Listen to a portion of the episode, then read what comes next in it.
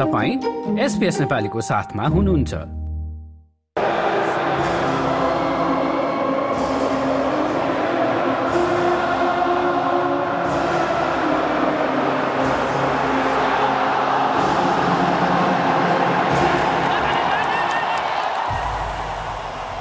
कतारको अल मसालामा फ्रान्सले पहिलो पटक विश्वकपमा यति लामो यात्रा तय गरेर आएको मोरक्कोसँग भिडेको थियो। यद्यपि खेलको सुरुको पाँच मिनटमै थियो हनान्डेजले गोल गर्दै फ्रान्सलाई अग्रता दिलाउन सफल भएका थिए।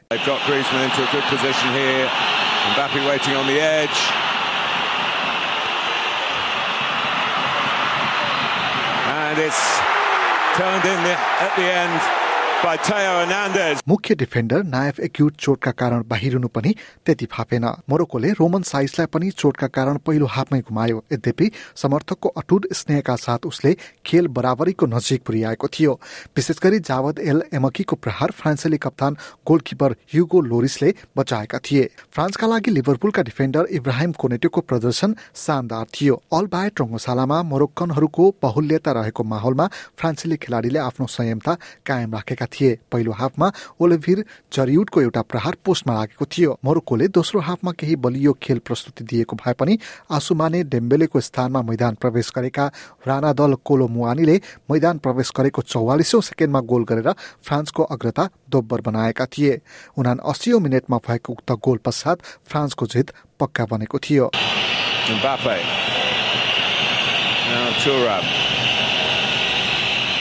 Mbappe to pick a way through here, and Kolo Muani.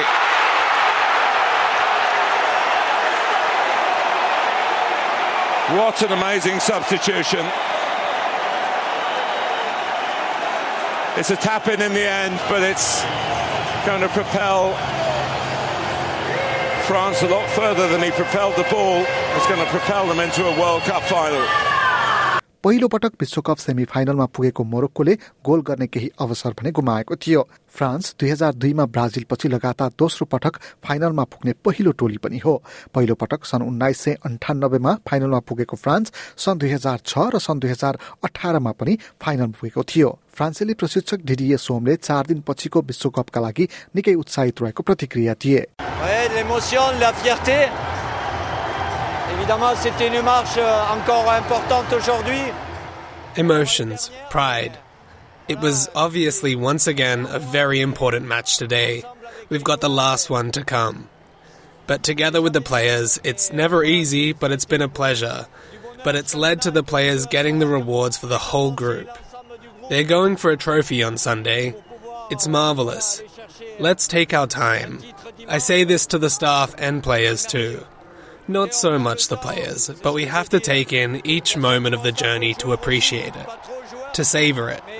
We need to pause time, but we can't. So, in four days, we're playing for a trophy. We're playing for a world title. So, savor it and get ready for the World Cup final. Savourer puis basculer pour euh, le dernier match de cette Coupe du Monde. यता आफ्ना भाइ Lucas हर्नान्डेज सकरुसँगको खेलमा चोट लागेर बाहिरिनु परेपछि फ्रान्सेली टोलीको अग्रस्थानमा आएका थियो हर्नान्डेजले आफू अन्तिम प्रतिस्पर्धाका लागि निकै उत्साहित रहेको बताए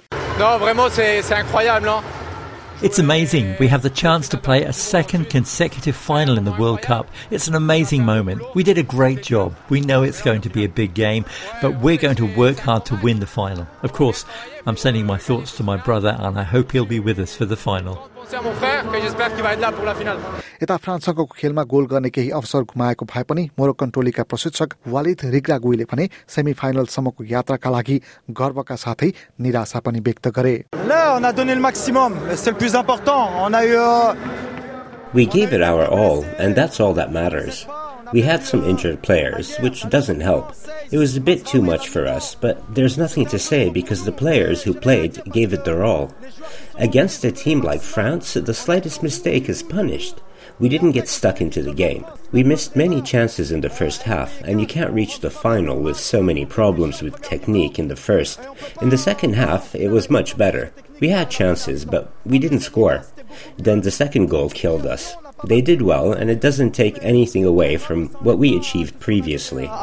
अब विश्वकपको उपाधिका लागि अर्जेन्टिना र फ्रान्स भिन्नेछन् भने तेस्रो स्थानका लागि मोरक्को र क्रोएसिया बीच कतारको मैदानमा भिडन्त हुनेछ। यो जस्तै अन्य प्रस्तुति सुन्न चाहनुहुन्छ? एप्पल पोडकास्ट गुगल पोडकास्ट स्पोटिफाईमा हामीलाई खोज्नुहोस् वा तपाईँले पोडकास्ट सुन्ने अन्य सेवामा।